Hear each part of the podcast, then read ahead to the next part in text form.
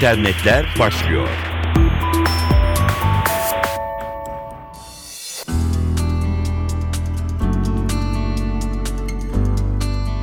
Merhaba, dijital dünyadan öne çıkan gelişmelerle karşınızdayız. Mikrofonda Dilara Eldaş. Sınırlarımız içinden bolca haber var. Hemen Retek'in hafta sonu vuku bulan eylemiyle başlayalım. Retek Anayasa Mahkemesi'ni vurdu. Türk ya da Türkçe bildiklerine emin olduğunuz diyelim bilgisayar korsan grubu Retek, Anayasa Mahkemesi'nin internet sitesine saldırı düzenledi. Saldırı sonrası anayasa.gov.tr adresine bir süreliğine erişim kesildi. Daha sonra ise site eski haline döndü. Grup saldırıyı Twitter'daki The Red Hack isimli hesaplarından duyurdu. Korsan grup daha sonra ise Anayasa Mahkemesi'nin sitesini neden çökerttikleri hakkında bir açıklama yaptı ve Red Hack 26 Kasım'daki Red Hack davası öncesinde Anonymous tarafından başlatılan Operation for Red Hack bünyesinde anayasa.gov.tr sitesi çökertilmiştir dedi. Yargıtay Hukuk Genel Kurulu internet bankacılığıyla kişinin bilgisi dışında hesabından çekilen paradan bankanın sorumlu tutulması gerektiğine hükmetti. İnternet üzerinden banka hesabından 6 kez para çekilen, bankamatik kartıyla alışveriş yapılarak 16.575 lirası kullanılan Hülya ise bankadan bilgisi dışında çekilen paraları geri talep etti. Talebinin reddedilmesi üzerine ise bankanın gerekli güvenlik tedbirlerini almadığı gerekçesiyle uğradığı zararla birlikte tazminat istemiyle mahkemeye başvurdu. İzmir 8. Asliye Ticaret Mahkemesi iki tarafı da eşit kusurlu saydı, bankanın aktarılan paranın yarısını ödemesine karar verdi.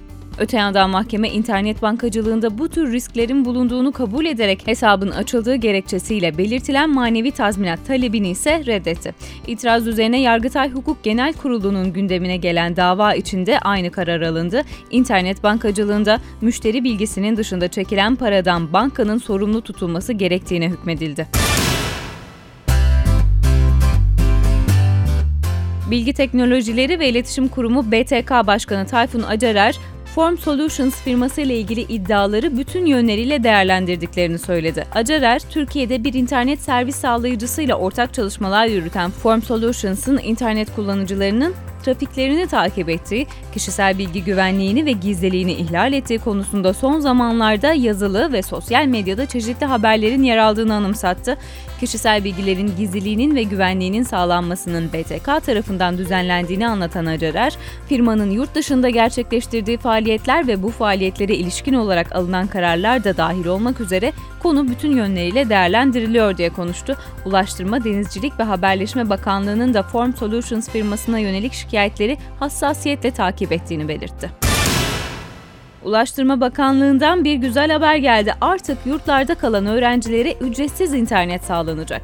Ulaştırma Bakanı Binali Yıldırım, yurtlarda kalan 308 bin yüksek öğrenim öğrencisine bedava internet kullandıracağız. Bakanlık olarak okullara geniş bant interneti sağlıyoruz. Bunu Gençlik ve Spor Bakanı ile beraber yapıyoruz diye konuştu. Türkiye'nin ilk Apple Passbook uygulaması hayata geçti. Türk Hava Yolları mobil biniş kartı altyapısını geliştirerek Apple Passbook desteği sunan dünyadaki ilk hava yollarından biri oldu.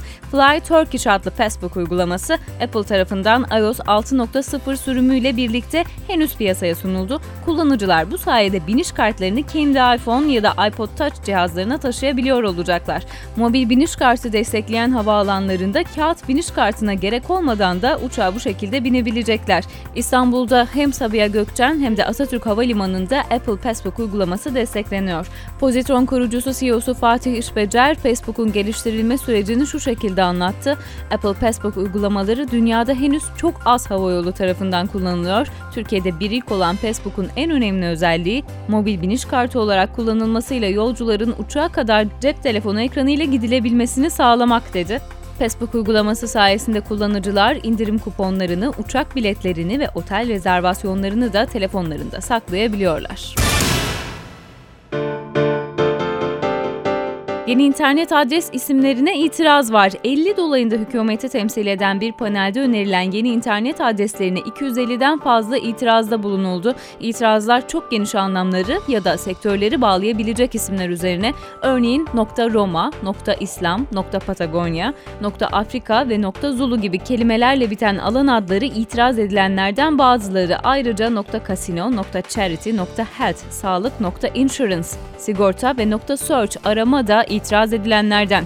Söz konusu itiraz listesi gelecek yıl kullanıma açılacak olan yeni adresler öncesinde masaya getirildi. Hükümet Danışma Komisyonu adını taşıyan panel, yeni internet adresleri için başvuruda bulunanlara duyulan kaygılara yanıt vermeleri için bir fırsat tanımak veya tekliflerini geri çekerek 185 bin dolar tutarındaki başvuru ücretinin %80'ini geri almaları olanağını sunmak amacıyla bu erken uyarı listesini yayımladı. Komisyon, Nisan ayında Pekin'de yapacağı toplantıda hangi adreslerin şikayet konusu olduğunu karara bağlayacak. 제작 Her uyarıda adrese itiraz eden ülkenin adı veriliyor. Önerilen bir internet adresi komisyondaki hiçbir üyeye karşı çıkmadığı takdirde kayda alınıyor. Listede ünlü Amerikan markası Amazon'un .app, .book, .movie, .game ve .mail uzantılarına, Google'ın ise .search, .cloud gibi uzantılarına itirazlar yer alıyor. İnternet adreslerini kullanıma açmakla sorumlu olan kurumsa Amerikan ICANN kurumu, İnternet Tahsisli Sayılar ve İsimler Kurumu çok sayıdaki itiraza rağmen Mayıs ayında bazı uzantıların açıklanabileceğini söylüyor. Sevgili dinleyenler, Türkiye'de bilişim dernekleri adı altında yer alan bazı sivil toplum kuruluşları güvenli internet kullanımı hizmeti hakkında bir bildirge yayınladı. Alternatif Bilişim Derneği, İnternet Teknolojileri Derneği, Linux Kullanıcıları Derneği, Bilgisayar Mühendisleri Odası, Pardus Kullanıcıları Derneği, Ankara Barosu, Tüm İnternet Derneği, IPTV Der ve Tıp Bilişim Derneği'nin imzasını attığı duyuru Türkiye'de uygulamaya başlanmasının ardından bir yılını geride bırakan filtreli internet kullanımına yönelik. Dernekler duyurularında şöyle diyor, internete uygulanacak filtrenin meşruiyetini sağlamak ve ilkillik, bilimsellik görüntüsü sağlamak amacıyla BTK'nın filtre üzerindeki belirleyici etkisini bozmayacak şekilde aile ve çocuk filtresi için esas alacağı ilke ve kriterleri danışacağı Güvenli İnternet Hizmeti Çalışma Kurulu isimli bir yapı gündeme gelmiş bulunmaktadır. Ve dernek cevaba muhtaç bazı sorular yöneltiyor. Kurul geçtiğimiz süre boyunca kaç kez toplanmıştır? Kimler bu toplantıya iştirak etmiştir? Aileye uygun listenin, çocuğa uygun listenin kriterleri açıklanmış mıdır? Bu listeler hazırlanırken hangi uzmanların görüşlerine başvurulmuştur? Standart paket kullanan yurttaşlar merkezi filtre sisteminden ne kadar etkilenmektedir gibi. Söz konusu filtre uygulamasına ilişkin yürütmeyi durdurma istemiyle açılan iptal davası halen Danıştay'da devam etmekte.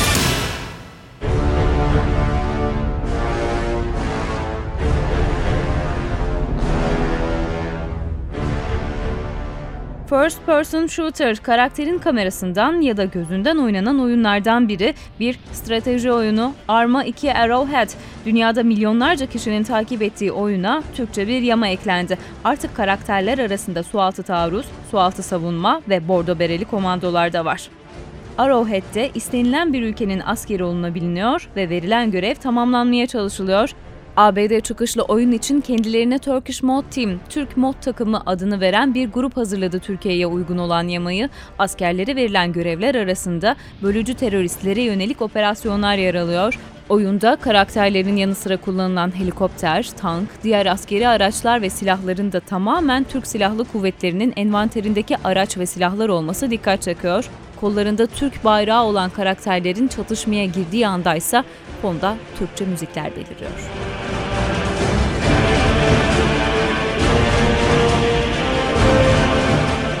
Dijital dünyadan gelişmelerle güncellenmiş bulunuyorsunuz. Tekrar görüşmek üzere, hoşçakalın.